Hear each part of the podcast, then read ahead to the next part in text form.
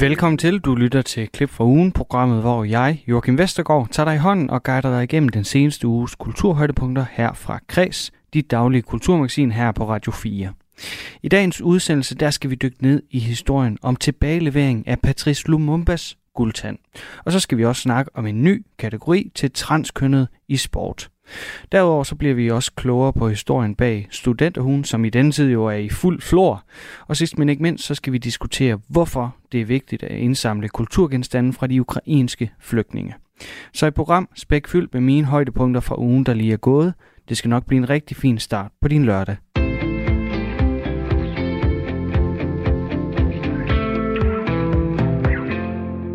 Og som sagt, så lytter du til et klip fra ugen med highlights fra den seneste uge i Radio 4's daglige kulturprogram Kreds. Det internationale svømmeforbund vil oprette en ny kategori til transkønnet, og det internationale rugbyforbund de vil udelukke transkønnet fra kvindekategorien. Debatten om transkønnet i sport det er fyldt med dilemmaer, for på den ene side vil vi gerne være inkluderende, og på den anden side så vil vi gerne have fairness i sport. Her bliver vi altså konfronteret med, at vores logik ikke holder vand, for begge ting kan ikke lade sig gøre på samme tid. Og vi starter altså med historien om øh, transkønnet i elitesport.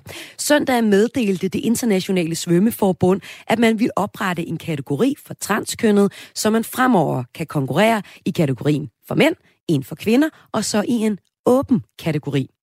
I dag skriver den internationale rugbyliga så i en pressemeddelelse, at transkønnet ikke vil kunne deltage, når VM i rugby for kvinder skydes i gang til november. Debatten om, hvordan øh, transkønnede, der identificerer sig som kvinder, bør deltage i eliteidræt, har bølget frem og tilbage i månedsvis. Hvor, altså, hvordan opvejer man et ønske om at være inkluderende over for minoriteter, mod et ønske om, at atleter skal konkurrere på færre vilkår? Det er det, vi skal tale om nu. Og med vi, så kan jeg byde velkommen til Rikke Rønholdt Albertsen. Velkommen til Kreds. Tak skal du have.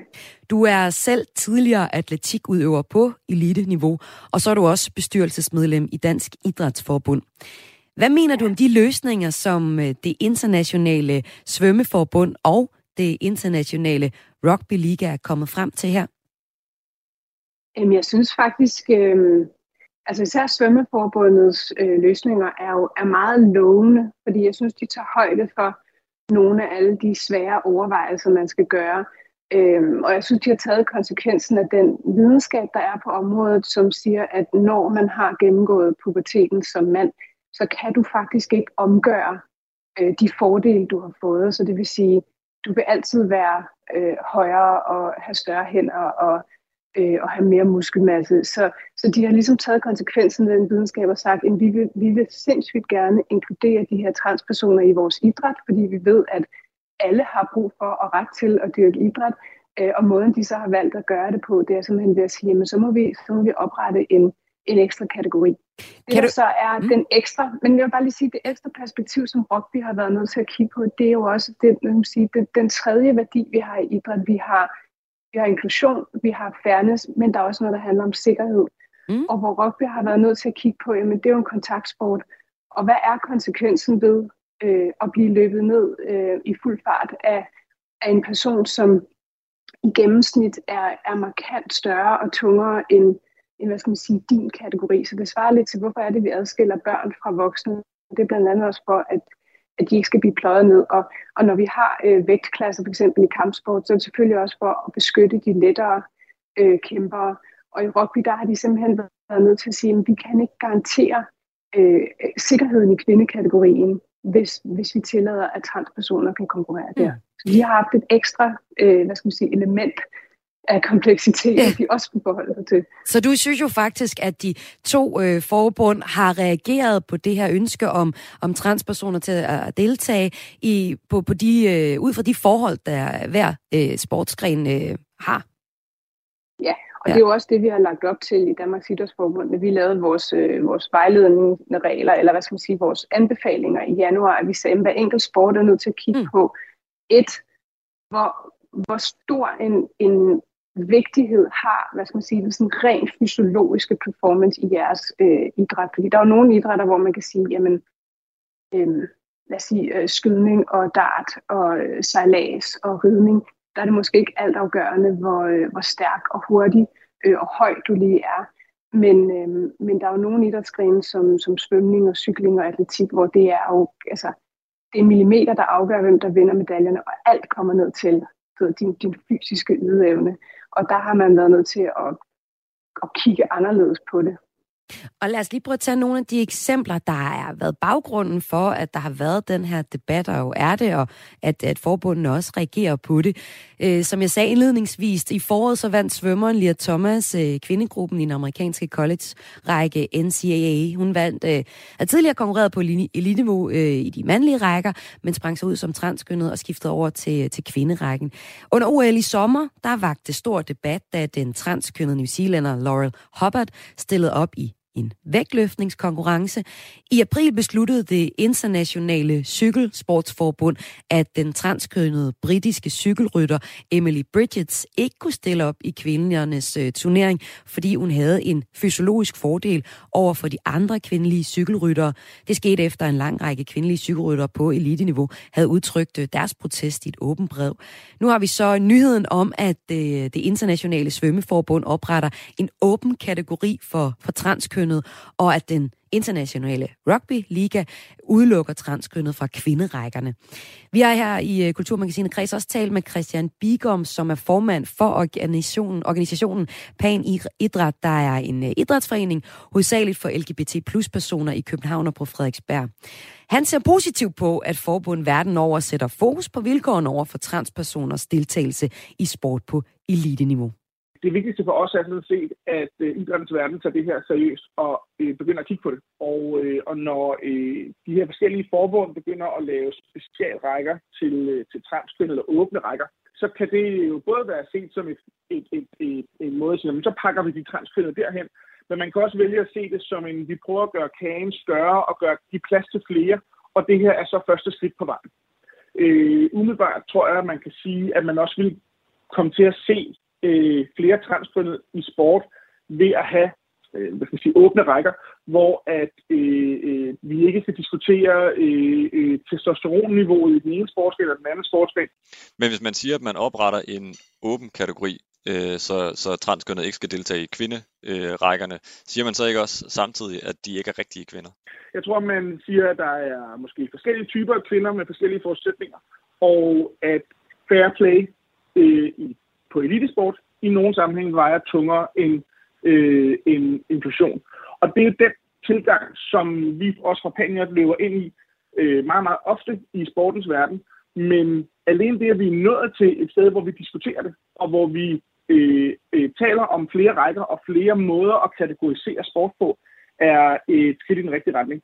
Vi øh, agiterer også for, at der er rigtig mange sportsgrene, som med fordel måske overhovedet skulle overveje skal der overhovedet være en herre- og en damekategori, eller er det sådan set lidt ligegyldigt for vores sportsgren? Øh, det er der jo nogle sportsgrene, der har øh, valgt at, at, at, at lukke for og sige, at øh, mænd og kvinder konkurrerer på, på lige vilkår. Men, øh, men øh, i virkeligheden øh, imødeser vi positivt, at der bliver talt om det, og at der bliver vedtaget en række øh, initiativer, som gerne skulle give plads til flere i sporten. Organisationen øh, Pan Idræt bifalder altså den diskussion, der lige nu er om, øh, hvordan transkønnede kan deltage i eliteidrætter. Med mig her i Kulturmagasinet Kreds, der har jeg Rikke Rønholdt øh, Albertsen, som udover at være bestyrelsesmedlem i Dansk Idræt, også er phd stipendiat på øh, Copenhagen Business School med fokus på bæredygtighed i virksomheder. Og det kunne jeg godt tænke mig at spørge, øh, brug den viden, du har øh, til at snakke videre nu, fordi hvad er det for nogle dilemmaer, der er sat på spil, når vi taler om transkønnets deltagelse i eliteidræt?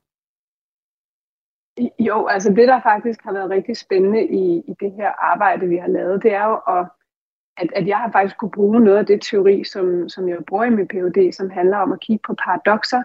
Øh, det er noget, der opstår meget af, når vi snakker bæredygtighed, fordi jamen, hvad, hvordan vægter vi for eksempel miljø og, mm. øh, og mennesker og økonomi op imod hinanden, og hvad er vigtigst, og hvordan gør vi? Og tit så står vi i en situation, hvor det hele er vigtigt, og vi ved det hele, så vi har vi har positive ting, som vi skal gøre samtidig, men som nogle gange godt kan være i konflikt med hinanden. Og det er jo det, der sker, når vi kigger på fairness og inklusion. Og det er to vigtige værdier for os, som vi så ligesom skal prøve at holde i vores hoved samtidig. Og nogle gange, når det så er de clasher, så, så, står, så, får, vi, altså, så får vi bare hovedpine af at få finde ud af, hvad der er det rigtige. Og, og det, der er den største fejl, man kan begå, det er at tro, at der er sådan en, nem enten eller løsning. Mm. At, altså, at hvis man bare tænker nok over det, så kommer man op til et eller andet facit, men det er tit både og. Øh, og, og det er jo det, som svømning prøver at sige ved at sige, at vi vil, vi vil inklusion, vi vil også fairness, men det vi faktisk gør, det er at prøve at opfinde en ny kategori, altså simpelthen finde en, en ny virkelighed, det er det, man kalder at lave en, en, en syntese, altså det er simpelthen at sige, at så må vi gå en tredje vej, som inkluderer begge dele. Ja, det er sjovt, du siger det ikke, fordi jeg, jeg har det sådan ligegyldigt, om man siger det ene eller det andet, så kan så, så er jeg bare sådan, ja, vi skal jo klart inkludere, selvfølgelig skal der være plads til, ja, at man ja. som transkønnet øh, mand eller kvinde kan stille op i den idrætsgruppe, man, man føler, man, øh, man hører til. Og i den anden side, så kan jeg jo virkelig også godt se, der er jo nogle af de her billeder, hvor vi ser transkønnede kvinder eller mænd stille op, hvor der er nogle fysiologiske forhold, forhold der er helt tydelige. Altså, øh, nogle er født som mænd, der stiller op i, i kvinde øh, idrætsgrene, men de har nogle fysiologiske fordele. Det ser i hvert fald meget tydeligt sådan ud. Så jeg kan virkelig godt se det, og det får jo faktisk også bølgerne til at gå enormt højt. Hvorfor er det, vi også reagerer sådan lidt øh, aggressivt på det her? Er det vores frustration, der kommer til, til udtryk, fordi vi ikke kan finde ud af, hvor vi står henne, tror du? Jamen, jeg tror også, det er fordi, at der er, øh, der er desværre nogle forskellige ting, der bliver blandet sammen i den her debat. Og, og det, der for eksempel sker, når, når folk, som primært har et, hvad skal man sige, et, et menneskerettighedsperspektiv, øh, melder sig ind i en, i en idrætsdiskussion, som måske ikke har forståelse for de fysiologiske forskelle, der er. Øh, for jeg kan huske i starten, da vi begyndte at diskutere det her, så var argumentet meget sådan, at I maler fanden på væggen. Hvor mange transkønnede har nogensinde vundet noget? Så se der, de har ikke nogen fordel. Men hvor dem, der ligesom er i idrætsverdenen, siger, jamen jeg har prøvet at træne med mænd, jeg ved godt, hvor stor forskel der er på mænd og kvinder, så det er jo kun et spørgsmål om, at der ikke er en transperson, der har været god nok til at begynde med, som er transitioneret.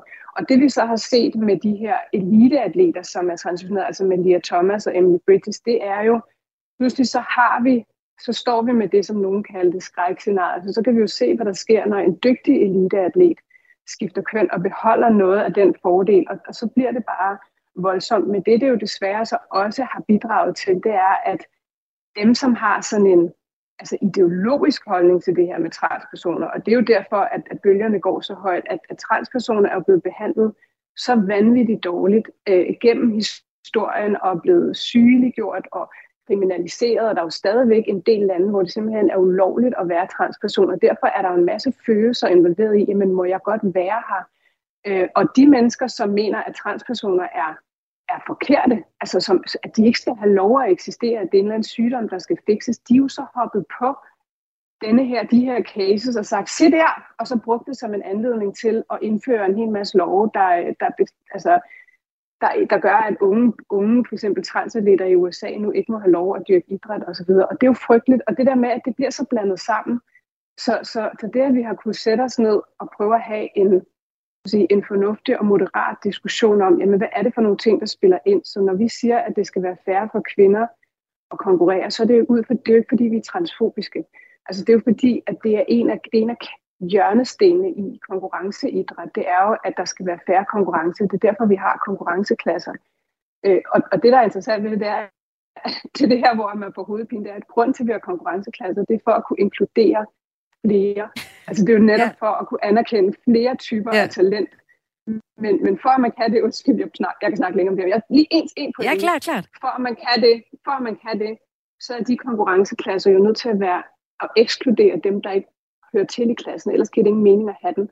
Så hvis du er 15 år, så kan du ikke stille op som 13-14-årig. Hvis du vejer 62 kilo, så kan du ikke kæmpe i 60 kilos klassen, fordi så hører du ikke til i den klasse. Og, og det er jo det, der ligesom har været den helt store diskussion af, jamen skal kvindekategorien, altså skal kvindeklassen være den eneste klasse, som man kan selv identificere ind i, altså som, så vi pludselig får en klasse, der ikke er beskyttet. Øhm, og den, det har været, det har været en meget svær følsom diskussion, og man kan se, at alle forbund har ligesom været sådan igennem nogle processer, hvor de jo først har været enormt bange for at blive fremstillet som transfobiske. De har også været bange for ligesom at komme til at stå over på samme side og understøtte en, en meget, meget højere orienteret øh, holdning til, om transpersoner er i orden. Øh, men så lige så stille har de så været i stand til at skille det og kigge på, okay, hvis vi bare skal kigge på det rent fysiologiske og hvad der er rimeligt, så er vi nødt til at lave nogle regler på denne her måde. Og øh, du siger, du snakker længe tid, lang, lang tid om det, men jeg synes også, det er et, et, et super interessant dilemma, og jeg står så udenfor, men jeg kunne se dilemmaet være mange steder i kulturen. Også sådan, øh, hvis vi snakker skuespillere, at man skal sørge for at inkludere, men øh, man har også en omtiden en snak om, at skuespillere kan jo spille alle forskellige roller, hvis man skulle tage den snak, og det er jo lidt det samme der, man forsøger at inkludere, og på samme tid, så skal der også være den her øh, fairness. Og det er jo sådan noget, du har, I har arbejdet med i Dansk Idrætsforbund. I lavede i foråret syv anbefalinger til inklusion af transkønnet, også ja. interkønnet og non-binære i idrætten. Altså, hvordan har I arbejdet med det her paradoks mellem inklusion og konkurrence på lige vilkår? Jamen, det har, det har været en, en ret fantastisk proces, fordi vi har faktisk haft nogle altså, vidunderlige mennesker, som har stillet op til sådan en arbejdsgruppe, og vi både har haft en, en transatlet og en non-binær og en interkønnet, og vi har haft repræsentanter fra LGBT+, og også altså, videnskabsfolk, som arbejder med transpersoner på, på medicinsk niveau. Og, øh, og vi har virkelig snakket om det der med, hvad op og ned? Altså, hvad er fordomme, og hvad er fakta? Øh, og hvad er, hvad er det egentlig også, øh, altså, de her transpersoner, hvad er det, de drømmer om? Altså, mm. hvad er det, de har brug for? Hvad kunne de egentlig godt tænke sig? Øh, og vi er blevet meget klogere på, hvad er det for nogle, hvad er det også for en signal, vi sender i idrætten, hvor når vi har den der, og det er også derfor, jeg faktisk godt lide det, øh, Christian Bigum siger, at idrætten har jo også været med til at usynliggøre og undertrykke det faktum, at der findes mennesker, der ikke passer ind i de der to, altså i de binære kønskategorier. Men fordi vi har, vi har bare indrettet hele idrætten på den måde, der er kun to sæt medaljer. Der er to omklædningsrum, du kan kun stille op i to klasser. Og ved at gøre det, der har vi jo også ligesom stukket hovedet i sandet ned, som om, at de her mennesker ikke findes. Og derfor er det rigtig, rigtig sundt, at vi begynder at tale om, hey, man må gerne male uden på pladen og stadigvæk være med i idrætten. Man må gerne være der, og, og de anbefalinger, vi kommer med, når det ikke lige gælder den aller, aller øverste elite, det er jo, gør nu plads. Altså give plads. Hvorfor skal vi dele børn op, før de fylder 12 år, for eksempel? Det er der ikke nogen grund til. Mm. Hvorfor i, øh, i breddeidrætten og, og motionsidræt er der jo ingen grund til at hisse op over, om, om der er en, øh, som engang har været en mand, der, øh, der stiller op, og som nu er en kvinde. Altså fordi det er, der går ikke noget af os øh, i rigtig meget af den brede idræt, der handler det om at få at alle mennesker skal have adgang til det fællesskab, som vi er så glade for og stolte af, at, som er et inkluderende fællesskab.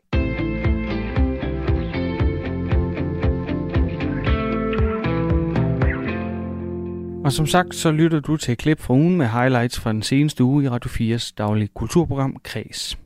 I dag der afleverer Belgien Patrice Lumumbas guldtand tilbage til DR Kongo. Og tendensen med tilbagelevering af artikler fra kolonial tid, den er meget kompliceret, fordi at mange lande de kan ikke rigtig garantere den her kontrol med genstandene. Og den spændende historie kan du høre lige her. En guldtand spiller lige nu en central rolle i en snak om landes kulturarv. Ejermanden til den her guldtand, han hedder Patrice Lumumba, og han var den første demokratisk valgt leder i den demokratiske republik Kongo. Men øh, tanden, altså hans guldtand her, den har mange år befundet sig i Belgien. I dag bliver den så afleveret tilbage. Dette giver en følelse af oprejsning efter adskillige år, udtalte Patrice Lumumbas søn, Roland Lumumba, ifølge nyhedsbyrået Reuters til radiostationen TBF i forbindelse med ceremonien. Historien om Lumumba og hans guldtand, den får du nu her i Kulturmagasinet Kres. Jeg kan byde velkommen til lektor på Center for Afrikas Studier på Københavns Universitet, Stig Jensen. Velkommen til. Tak. Du skal fortælle os historien om Lumumba, men først, det her er et ud af rigtig mange eksempler på kolonimagter, der begynder at levere genstande tilbage til de lande, de har koloniseret. Hvad er det for en tendensen overordnet set? Det er en tendens, at øh, landene i Afrika i højere og højere grad ønsker at få ting tilbage, som de mener tilhører dem. Og øh, det er måske ikke altid helt uproblematisk, når det ønske så bliver efterlevet, altså når kulturarven bliver leveret tilbage. Det skal vi se nærmere på. Men lad os lige tage den konkrete historie. Patrice Lumumbas guldtand. Lumumba var den øh, første demokratisk valgte leder i det Kongo. Han hjalp med at vinde uafhængighed fra Belgien i 1960, efter mange år, hvor den belgiske kong Leopold den anden ellers havde et øh, brutalt styre over landet. Og hvordan går det så til, at Lumumbas guldtand lander i Belgiens varetægtsstil?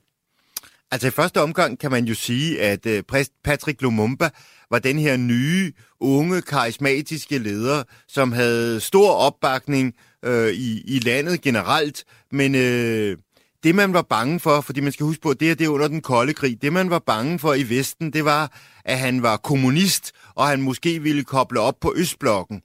Og det vil sige, at øh, der vil, blev lavet nogle forskellige infiltrationer med nogle forskellige folk i Kongo. Og det, der sker på et tidspunkt, det er, at han bliver fanget øh, og stillet for en rettergang, som ikke rigtig var en rettergang. Og øh, så bliver han dødsdømt, og efter han øh, var død, så var det nu der, så skar man ham i små stykker og smed det ned i et syrebad, fordi man var bange for, at han skulle blive en martyr. Så derfor ville man gerne have, at alle hans efterladenskaber, de forsvandt. Øh, det var så sådan, at der var en belgisk politimand, som var med i forbindelse med det, og han tog så Lumumbas guldtand som en slags trofæ og tog det med hjem til Belgien. Og øh, i øh, 1885, der blev så et kæmpe område, altså det, det er ligesom historien ikke i det her Kongo, belgisk, eller rettere sagt styret gik videre til den belgiske kong Leopold den anden, det er altså baggrunden til det her. Og det var med ret hård hånd, altså det gik primært ud på at hente gummi, elfenben og andre naturressourcer gennem slaveri.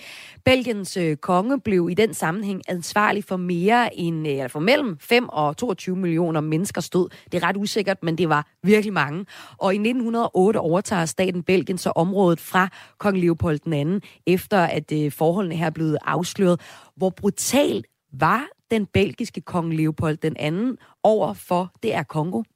Ah, det var nok et af de mest brutale styre, vi nogensinde har set inden for de seneste, altså par hundrede år. Hmm. Man regner sådan set med, at, at halvdelen i den der periode fra, fra 1885 til 1908, så regner man med, at halvdelen af folk blev enten dræbt eller sultet i den her periode, plus en masse blev lemlæstet. Så det er uden sidestykke, vil jeg sige, i, hvis man kan kalde nyere historie. Og det er jo så også med til nyere historie, at kolonimagter, øh, tidligere kolonimagter nu, øh, er der pres på restyrer for, at, at, øh, at de, de her kulturarv skal afleveres tilbage. Og mens Belgien så småt er begyndt at forsøge at rette op på, øh, på historien, så har indsatsen stort set været lille og symbolsk. Alene i Belgien, så sidder de lige nu inde med øh, sådan 84.000 artikler fra det er Kongo.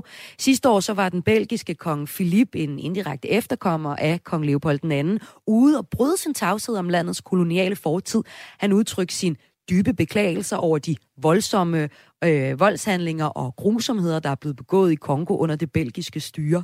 Roland øh, Lumumba, som er et af Patrice Lumumbas børnebørn, eller børn, har været ude at fortælle, hvad det betyder for, for dem som efterkommere. Og han øh, siger, for os som afrikanere startede sorgen for omkring 60 år siden. Med hjemkomsten af en del af ham, det er af hans krop, så vil vi afslutte sorgen og komme videre. Det er en lettelse for os, og i dag så får de så altså overleveret den her guldtand. Men hvad håber øh, beboerne i øh, DR Kongo på, at det kommer til at, at betyde, at nu den her guldtand kommer tilbage? Altså man kan sige guldtanden, og der var også blevet leveret en, en, en maske og nogle figurer tilbage i forbindelse med kongeparets besøg her.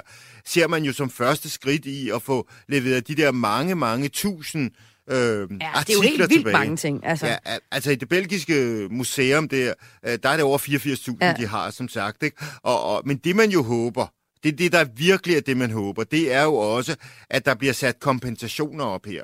Fordi man har en forhåbning om, at Belgien på et tidspunkt rent faktisk siger undskyld for det, de gør. Mm. Hvis de siger undskyld, så er der ligesom en automatik, der siger, så må man også kompensere økonomisk for de ugerninger, man har gjort. Og det har man jo set, øh, land har gjort før med, med Tyskland.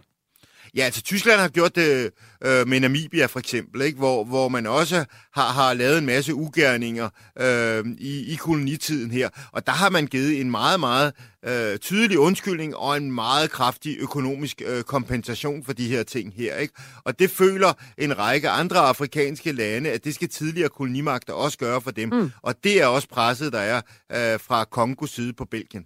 Ja, og det er jo ikke, altså, nu nævner vi Tyskland, og der er Belgien her, altså der er mange eksempler på øh, tidligere kolonimagter, der afleverer ting tilbage, øh, altså ting, man har, har tilregnet sig i øh, kolonitiden. Der er også i, i 17, der var det den franske præsident Emmanuel, Emmanuel Macron på besøg i Burkina Faso. Her proklamerede han, at de næste fem år vil arbejde for at tilbagelevere kulturgenstande, der befinder sig på franske museer til de afrikanske oprindelseslande. England der har man også øh, kørt samme stil, og altså også Tyskland. Og så i dag, der afleverer Belgien, Belgien så øh, Lumumbas guldtand tilbage.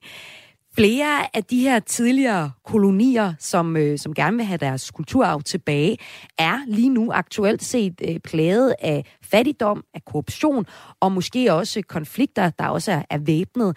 Hvordan vurderer du, at sikkerheden er i de lande i forhold til, at de nu skal varetage den her kulturarv, som de får tilbage?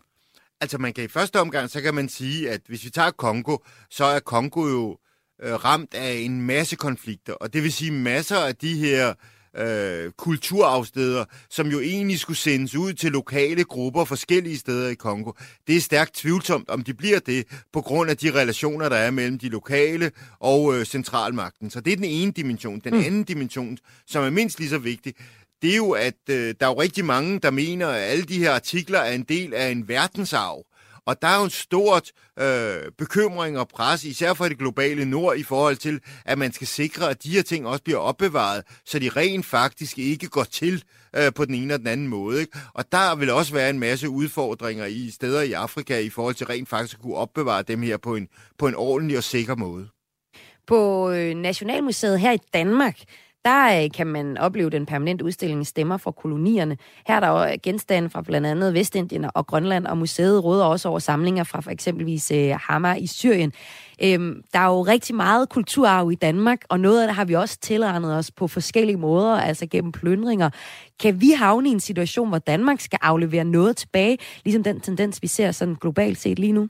Ja, og det er vi jo allerede. Den, den har vi jo allerede haft, den der sag, især med Island, og, og tydeligst med sagagerne, men der kæmpes jo stadigvæk øh, med Island og Danmark i forhold til udlevering af nogle af de her ting. Og Danmark vil også have det i forhold til nogle af de mere oversøiske lande. Det, man bare skal tænke på, det er, at det, som det, som Danmark gjorde over, over mange hundrede år, det var primært handel. De var ikke kolonimagt i de oversøiske områder på samme måde som for eksempel Belgien, øh, Tyskland, England og Frankrig. Og hvis man skal tage et aktuelt, aktuelt eksempel fra, fra Danmark, så er det for eksempel i 11, der blev den jyske lov afleveret tilbage til Sverige.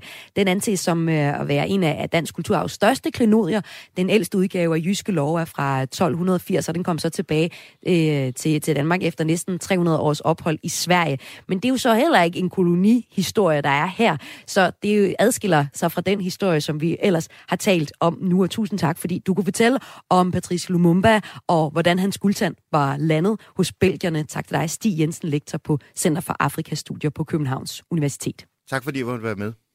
Efter overdragelsesceremonien af Patrice Lumumbas guldtand, der vil øh, tanden blive taget med på rundtur i Kongo, hvor den først rejser til Lumumbas hjemby og efterfølgende til Si La Tembo, landsbyen, hvor Lumumba blev øh, dræbt, før den til sidst rejser til hovedstaden Kinshasa, hvor et mausoleum er ved at blive opført til at opbevare den her guldtand.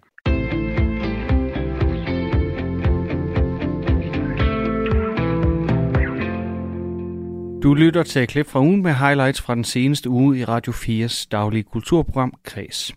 Studenterhuen er gået fra eksklusivitet til at være et symbol på kapitalisme og til i dag at være allemands eje. Prøv at høre historien om studenterhuen. Det er blevet sidste uge inden skolernes sommerferie, hvilket er ens betydning med nyklækkede studenter. Man sender et signal ud til alle, at nu har man klaret gymnasiet, og nu har man den på og det er sådan overstået af alting. Ja, det man har på, det er selvfølgelig huen, har jeg lyst til at sige. Men det har ikke altid været en selvfølge, at alle unge mennesker skulle ud og købe en hue, når de er færdige med en HF eller STX-uddannelse.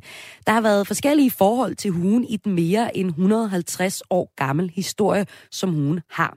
Og øh, min første gæst her i Kulturmagasinet Kreds, Marianne Levinsen, er forskningschef hos Fremforsk, der er et center for fremtidsforskning. Og du har blandt andet arbejdet med unges vaner venner, og skal nu hjælpe os med at udfolde den her ikoniske hushistorie. Velkommen til dig, Marianne.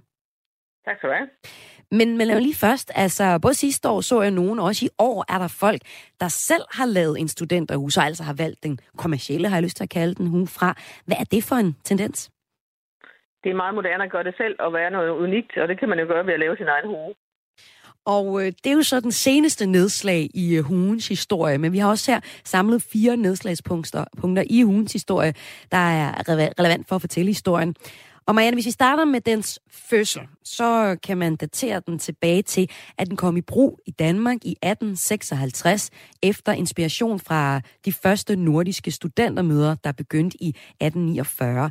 Hvem var det, mm. der startede med at bruge hugen, sådan, da den kom ind på markedet som den første? Jamen, det var, det var de få, der havde gået i latinskole og havde en studentereksamen. Det var et meget, meget lille antal af befolkningen. Og de bar den faktisk øh, det første år på, stu- på studiet. Okay, så det var, det var en eksklusiv ting at have også. Det var en eksklusiv ting. Det viste noget om, øh, øh, at man faktisk var student, og, og, og man gik på universitetet. Så det var sådan lidt et luremærke på det, ikke? Og hvis vi så kigger på øh, studenterhugen fra, fra 56, så var den øh, øh, sort med en hvid silkesnor, men i øh, 1880'erne så gik øh, de mandlige studenter over til at bruge den nuværende hvide studenterhue, som man kender, altså den med den bordeauxfarvede bånd eller blå bånd, som vi kender mm-hmm. det, og det blev så kaldt sommerhugen dengang.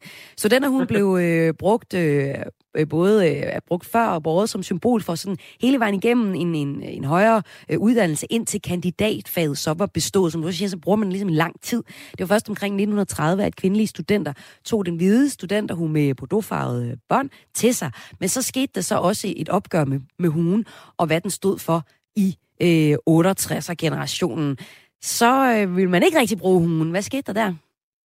Jamen, der skete jo det, at man gjorde op mod, øh, hvad hedder det, øh, magthaverne og kapitalismen, og, øh, og også opgøret mod universitetets, øh, den styringsform, man havde der, hvor, hvor man mente, der sad nogle få og styrede det hele, professorvælder og så videre.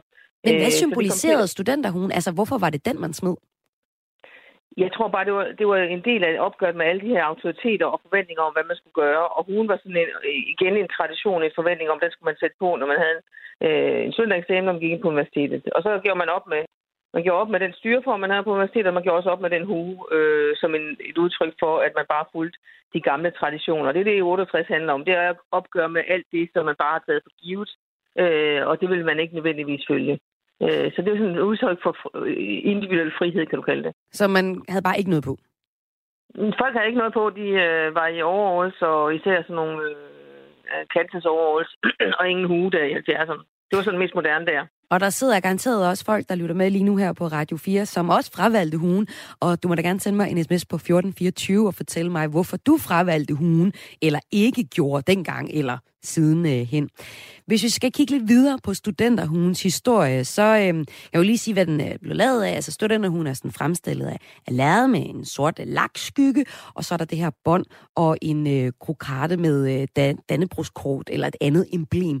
Udformningen, den har varieret efter hvilken eksamen den øh, repræsenteret, og efter den havde været væk i øh, 80, så vendte den tilbage i, øh, i 80'erne eller i 68'erne. Hvad var det så, der gjorde, at den kom tilbage Ja, det er jo svært at sige. Det er jo sådan øh, en mode og en trend, ikke? At folk de øh, blev ikke så, øh, de var ikke længere så, så anti, øh, anti-stat og anti-traditioner, og så kom de tilbage. Og så har den jo fået mere og mere medvind, kan du sige. Den er blevet udbredt på langt flere uddannelser.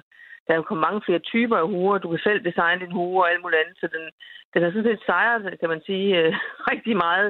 Øh, og der skal man så også huske på, at øh, i løbet af øh, bare siden starten og til i dag, så er det jo rigtig mange, der får sig en studentereksamen.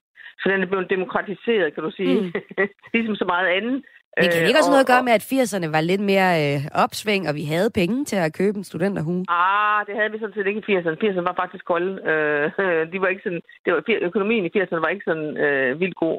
Det tager faktisk først fart i 90'erne, hvis man sådan ser på, øh, på samfundsøkonomien. Og i 90'erne, øh, der havde alle studenterhuer på, eller hvad? Der havde alle studenterhuer på. Der var ligesom noget, det var noget, man ikke satte øh, spørgsmålstegn ved, men man kan også sige, der er så meget andet, der forandrer sig hele tiden. Mm. Øh, og så kan, så kan man sige, at den her lille tradition, den er sådan, det er sådan en tradition, der ikke gør nogen fortræd, øh, og bare udtryk for, at man er glad, og man er færdig. Ikke? Det var i hvert fald sådan, man havde det i 90'erne. Øh. Fordi i 68'erne var jo, mente jo, som du sagde før, at, at den, den, den, der var jo meget, den var et symbol på. Ja, men der sætter man spørgsmålstegn med alting. Altså kønsroller, øh, magten og alt det andet. Ikke? Det skulle alting ligesom øh, redefineres. Ikke? Øh, og det har senere generationer måske ikke gjort lige på den måde der, vel? I forhold til den. I hvert fald ikke i forhold til hugen. Ja, øh, men det har du så selv, det. ved jeg. Hvad, hvad er dit forhold til studenterhuer, eller hvad var dit forhold til studenterhuer? Ja, men jeg, var, jeg har altid været en anti, jeg har altid været en protesttype, så jeg, var, jeg mødte op i 83 i øh, brune shorts og en t-shirt og uden hue, Hvorfor? som en af de få i min klasse. fordi jeg synes, det var noget pjat. Og jeg gad ikke at være sådan en, en, en pæn pige i hvid kjole med hue på. Det var, det var jeg imod. Jeg var, det var dengang også, man havde, øh, ligesom nu, øh, meget omkring ligestilling og kønsroller, og jeg vil ikke falde ind i den der kvinderolle med at stå pæn med en hat og, og, og kjole på. Men, men dine mandlige venner havde vel også hat på? Ja, de har også hat på. De, sagde ikke noget, de andre satte ikke nogen spørgsmålstegn ved det. De gjorde det bare. Det var kun mig, der var imod. Hvad, hvad synes du om hunden nu? Øh, jeg synes, den er fin, men jeg synes også, at Altså, jeg synes også, det er på en eller anden måde sådan et, et, et meget stort kommersielt øh, tabernakel, hele det der studenterhalløj. Øh, men det er fint nok, at mine egne børn har også, jeg har fire børn, de har alle sammen en hue. Jeg tror ikke, de kommer få den meget frem efter, efter deres studenterfester. Jeg vil også sige, at det er hun, altså det er jo blevet en tradition, som du sagde, at der er mange, der ikke stiller spørgsmålstegn ved det i 90'erne, og det tror jeg heller ikke, der er i dag på samme måde. I hvert fald, vi har været, været på gaden øh, og snakket med nogle aarhusianere om, hvorfor de har hue på, og det var ikke svært at finde for min kollega at finde nogle glade studenter med hue på, øh, og spurgte så til, hvorfor de havde været ude og købe en hue, for det var det, flertallet havde. Lad os lige prøve at høre dem her. Det er simpelthen fordi, at jeg synes, vi skal fejre, at vi er blevet studenter, og så at vi er samlet hele klassen sammen, og vi er ligesom gået igennem tre år sammen, så nu skal det fejres, og så er det fedt, at vi har noget fælles at kunne tage på, så vi øh, ligesom er samlet. Har du overvejet øh, ikke at købe en studenterhue?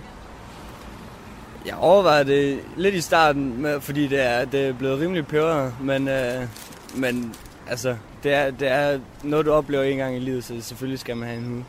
Jamen, øhm, fordi det er en virkelig symbolsk ting. Øhm, man sender et signal ud til alle, at nu har man klaret gymnasiet, og nu har man den på, og det er sådan overstået og alting. Har I overvejet ikke at øh, købe en studenterhue? Nej. Altså, jeg synes, altså, mm, der er nogen, altså vi har haft en stor diskussion om det i vores kasse, om hvorvidt det skulle være et dyrt firma eller et lidt billigere firma, hvor de største del af os egentlig var for den dyre hue, hvor det, sådan, at det virker lidt som om det er en ting, man ligesom gerne vil investere i. Mm. Fordi at det er sådan en stor ting, at du får kun en hue i dit liv-agtigt. Så det er egentlig ikke noget, jeg har overvejet ikke at gøre. Er der så sådan nogen, I kender, der har valgt, øh, nu kan I se, at I alle sammen har, nu sagde du den, den dyre hue, en, en man køber ved et firma. Er der så nogen, I kender, som har valgt at, at, at lave en hue selv? Øh, ja, altså der er for eksempel et par i min klasse, der har valgt at lave en, hækle en hue selv, eller fået hæklet den af nogen, de kender. Øh, og det har primært været af miljøårsager, ved jeg. Og sådan også, fordi de synes, at det virker åndssvagt at give så mange penge for en hue, man bruger i så kort tid. Og at, øh, at de synes, det er lige så symbolsk at lave en selv, som at købe en dyr en. Øhm, så ja, jeg tror, de har gjort så mange overvejelser. Anna, hvorfor er det, du har valgt at, øh, at købe en studenterhue? Det har jeg valgt, fordi det er et symbol på, at man er færdig. Har du overvejet ikke at købe en studenterhue?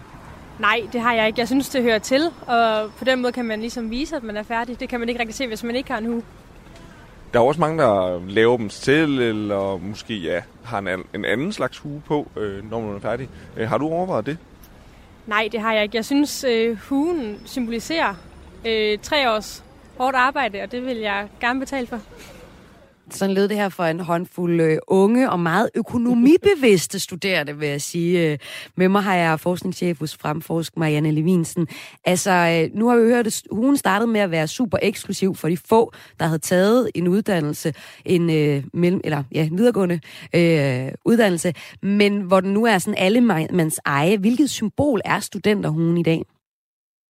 Jamen, det er det der symbol på, at vi, øh, vi er sammen, når vi har afsluttet tre år, og vi er færdige med, med, med, vi er sådan også færdige med den der, de der tvungne fællesskabs skolesystemer og daginstitutioner, vi har været. Ikke? Så mange unge føler også, at puha, nu kan de endelig selv bestemme noget, ikke? Ja. Øh, fordi de har gået i, i børnehave, dag, hvad hedder det, børnehave, skole og, og, og, og, og, og gymnasiet, så synes de, at, at nu er de endelig fri. Så det er også sådan en eller anden markering af den der frihed, der, der står og venter lige efter, ikke? Øh, og så er det selvfølgelig det der med også at feste sammen og, og, og have hugen sammen og have øh, oplevelsen sammen. Og det kan man også se, når man ser dem. Altså, ligesom i andre ungdomskulturer kan man se, når alle dem med huerne er sammen, og de, de farer rundt, og de fester, og de kører rundt og sådan noget, så er de lidt i deres eget univers. De ser jo knap nok de andre rundt omkring sig, ikke? Altså, de, øh, de fester løs i deres eget univers, og den fest er sådan set kun blevet større, hvis du ser den sådan over 10 år, ikke?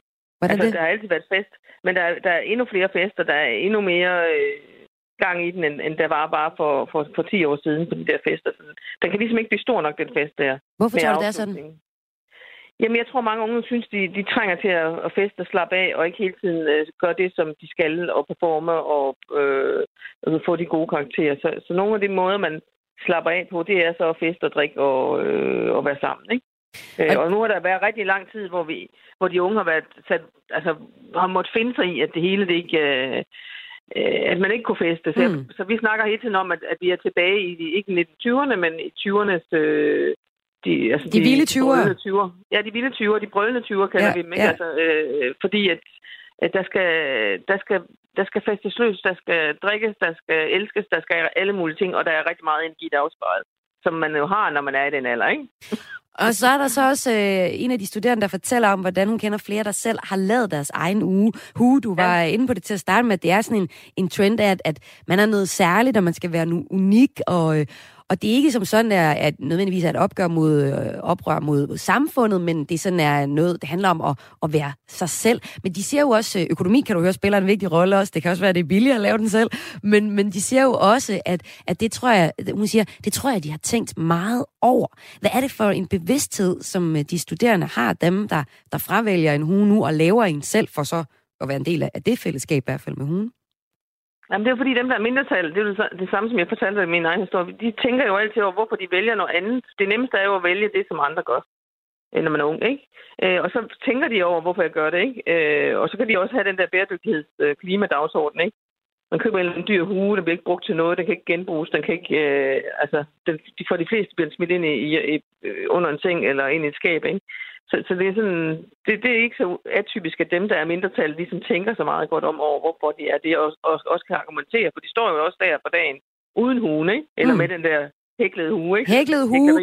En hue, der kan jo også se ud på mange måder jo så i virkeligheden. Øh, og det har øh, studenterhuen også gjort, som jeg fortalte om, at den har været sort med, med hvidt bånd, og den har, de har bånd i det hele taget har også, har også forskelligt, også nu farver, ikke? Fordi hvis man jo, siger, jo. den originale øh, hue, ja, så var den sort med hvid bånd, så blev den øh, hvid med et bordeaux-bånd, og nu findes der jo ret mange forskellige bånd. Der er både det øh, blå bånd til HF'erne, og der er også det sorte bånd. Og nu kan du også få en hvid hue med gul kant, hvis du bliver uddannet slagter. Øh, og du kan få en hvid hue med lyserød bånd, hvis du bliver frisør. Hvordan kan det være, at vi er i en situation nu, hvor, hvor studenterhuen ikke kun er for øh, STX-studenter? Jamen, det er jo hele diskussionen om, at, øh, at øh, det er lige så stort et... Øh, det, er lige så, hvad skal man sige, det, det kræver lige så meget øh, indsats at få en, øh, at blive en dygtig håndværker, som det gør at blive en god, dygtig student.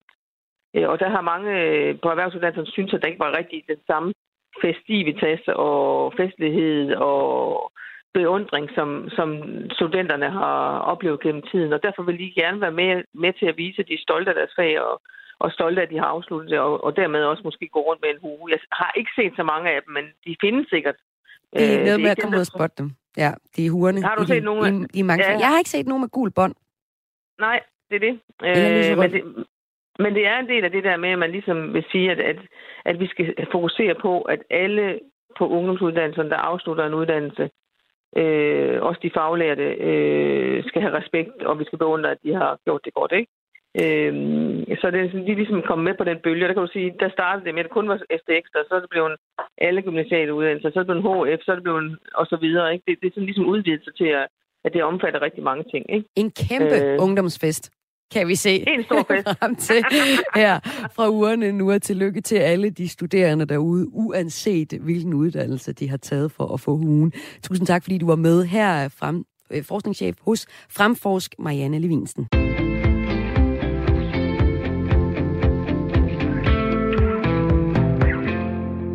Du lytter til klip fra ugen med highlights fra den seneste uge i Radio 4's daglige kulturprogram Græs. Det er vigtigt at indsamle kulturgenstande og fortællinger fra de ukrainske flygtninges første tid i Danmark, hvis vi altså vil bevare historien til eftertiden.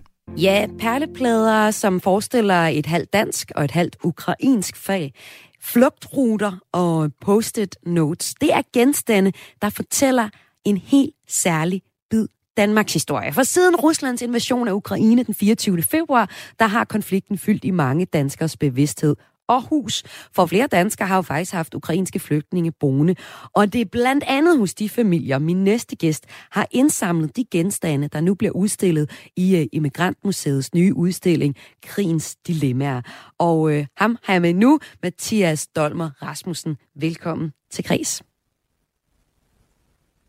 Velkommen ja, til, Mathias. Jo, tak. Kan du var der. Mig? Det kan vi godt. Og du er videnskabelig assistent og antropolog okay. på Immigrantmuseet.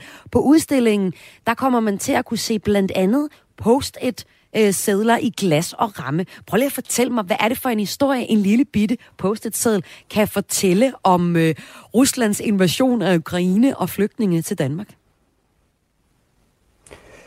Jamen, øh, post-it-sædler, øh, de siger jo noget om øh, det historiske møde, som er foregået i rigtig mange danske hjem, øh, hvor folk har haft flygtninge boende, øh, og hvor at øh, de har skulle finde ud af at have en hverdag sammen øh, og dele et tag, øh, selvom de ikke deler samme sprog. Øh. Ja. Og øh, altså, de her post notes, det er jo nogen, du har samlet op fra skraldespanden. Hvordan har du fundet, øh, fået fat i dem? Undskyld, lyden er altså rigtig dårlig.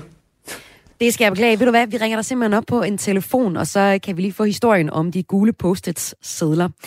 Jeg taler nemlig lige nu med Mathias Dolmer Rasmussen, der er videnskabelig assistent og antropolog på Immigrantmuseet. Et museum, der lige om et øjeblik åbner en ny udstilling, der hedder Krigens Dilemmaer. Her øh, har de indsamlet forskellige små genstande og historier fra ukrainske flygtninge, som er kommet til Danmark.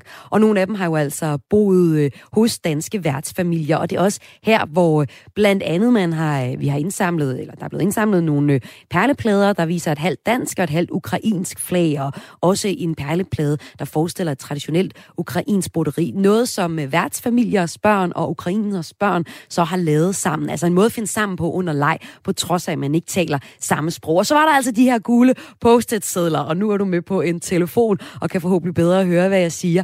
Hvorfor har du, altså hvordan har du fået fat i de her post-it-sædler fra, fra en skraldespand? Øh, det, øh, som udstillingen, som vi åbner her øh, om øh, i næste uge, øh, den bygger på, det er et samtidsdokumentationsprojekt, hvor jeg har været ude og øh, interviewe ukrainske flygtninge og deres danske værtsfamilier, øh, og spurgt dem øh, om, øh, hvilke øh, objekter, som øh, betyder noget for dem, eller som øh, kan fortælle historien om, øh, om alle de møder, der er foregået rundt omkring øh, i de danske hjem i løbet af de seneste par måneder. Øhm, og øh, konkret med de her post-it-sædler, øh, så øh, øh, var jeg ude øh, og spørge en, en dansk værtsfamilie, og de sagde så, kom i tanke om de her post-it-sædler, som de havde liggende ude i skraldespanden, og skyndte sig at fiske dem op. Øh, og nu mm. står de så altså til at skulle øh, i glasmontre øh, her øh, fra starten af næste uge. Øh, ja. Og det var så postet og mens øh, vi lige fik det op på en telefon, så fortalte jeg også lytterne om øh, de her perleplader. Altså nogle små ting, som er, er øh, en, en slags samtidsdokumentation, noget jeg også tidligere har lavet i et projekt med afghanere. Og, og baggrunden for det her, det handler om, at øh, folks hukommelse ændrer sig over tid. Så det er enormt vigtigt, at I øh, kommer i gang og får allerede nu, mens flygtningene er nytilkommet, får indsamlet det og udstillet øh, det. Og øh, det her er altså en af de en mest massive påvirkninger af vores hukommelse, er faktisk glemmelse. Det talte jeg med professor ved øh, Psykologisk Institut på Aarhus Universitet, Dorte Kirkegaard Thomsen, om lige her inden udsendelsen. Prøv at høre, hvad hun siger. Altså, vi glemmer rigtig hurtigt mange ting i vores liv. Så fra, så fra dagen i går, der husker vi måske meget livagtigt og, og ret detaljeret forskellige episoder, men, men vi skal ikke mange uger tilbage i vores fortid, før vi dårligt nok kan genkende, hvad der skete. Så, så, så, så man kan sige, at øh, i forhold til sådan en udstilling der, så giver det jo mening ligesom at holde fast i sådan nogle ledetråde, øh, som, som kan man sige kan hjælpe øh, de her øh, personer og andre øh, interesserede i at genfinde øh, nogle af de her erindringer om, hvad, hvad der skete øh, i forbindelse med den her tid. Hvordan bliver vores hukommelse påvirket, når voldsomme begivenheder øh, sker? Altså for eksempel flugt og krig, som de her ukrainer har været udsat for? Jamen, det er der meget, meget diskussion omkring, men en af de ting, vi ved ret sikkert, det er igen, at, at følelsesmæssigt intense begivenheder, de er meget mindre tilbøjelige til at blive glemt, og til ligesom at glide i baggrunden og blive blandet sammen med andre ting. Så følelsesmæssigt intense begivenheder, som for eksempel krig og traumer og flugt, det er noget, som i særlig grad bliver siddende i vores hukommelse. Det er også noget, som mange formentlig vil opleve, altså sådan øh, spontane øh, gener, altså generindring eller genoplevelser af flere episoder øh, af, af den her øh, øh, øh, voldsomme oplevelse. At det simpelthen kan komme tilbage til en sådan helt, øh, uden at man går til umage for at erindre det, er sådan helt spontant og på nogle gange på en, på en forstyrrende måde. Og Immigrantmuseet har altså indsamlet fortællinger og genstande fra de flygtede ukrainers møde med Danmark til en ny udstilling, som åbner her i øh, næste uge. På Immigrantmuseet, som ligger i Farum, dokumenterer og formidler øh, indvandringens øh, kulturhistorie. Og det er så det tilfælde her, Mathias Dolmer Rasmussen, som jeg har med her i Kulturmagasinet Kreds, der har været ude at indsamle blandt andet fortællinger om ukrainers flugt til, øh, til Danmark. Og øh, det har du også gjort ved at tale med nogle forskellige ukrainere.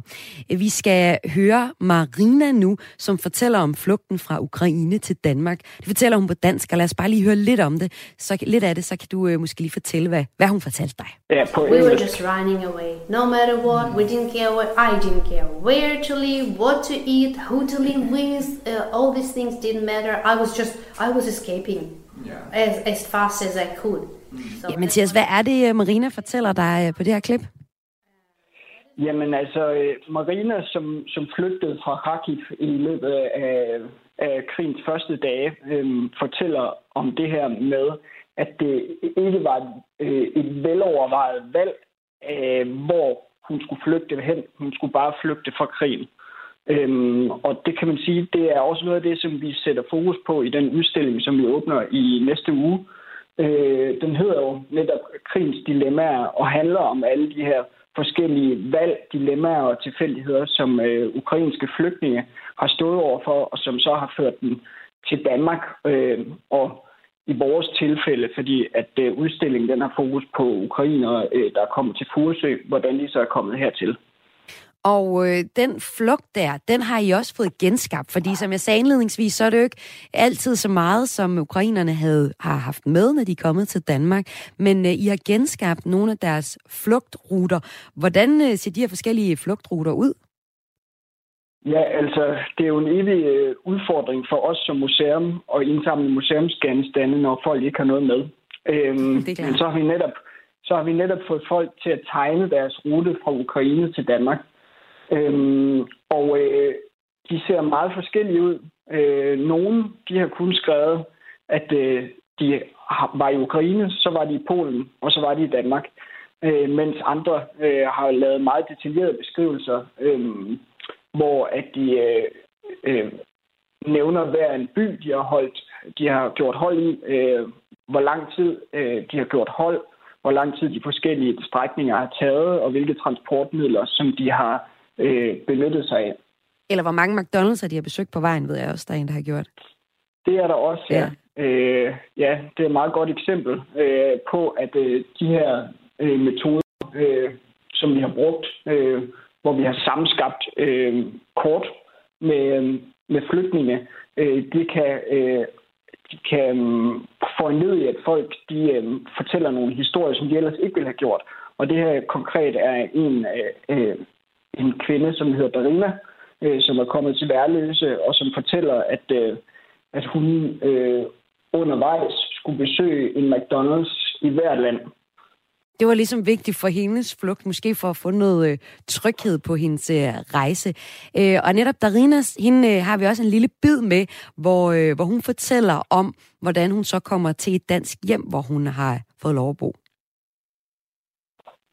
Ну, спочатку дуже було важко з менталітетом, тому що ми привикли, що в нас є свій будинок, що ми робимо кожен хто що хоче. Og øh, måske kan du lige fortælle, øh, hvad det er, Marina fortæller her på ukrainsk.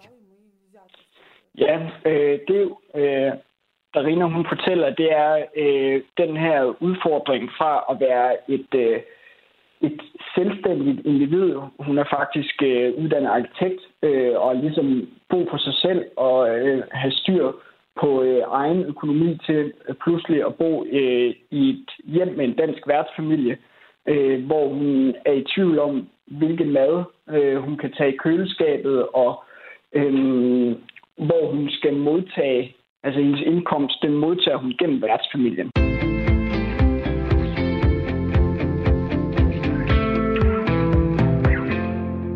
Og det var mine udvalgte kulturhøjdepunkter, og dermed også enden på klip for ugen for den her gang. Gå nu lige ind og find programmerne, så kan du høre dem i fuld længde. Det kommer du ikke til at fortryde, det garanterer jeg. De kan findes i din lokale podcastbutik eller på radio4.dk. Du kan også høre det live i næste uge, hvor Kreds sender fra mandag til torsdag på Radio 4 mellem kl. 14 og kl. 15. Du har lyttet til klip fra Kulturprogram Kreds her på Radio 4. Mit navn det er Joachim Vestergaard. Vi lyttes ved i næste uge, samme tid, samme sted. Tak fordi du lyttede med.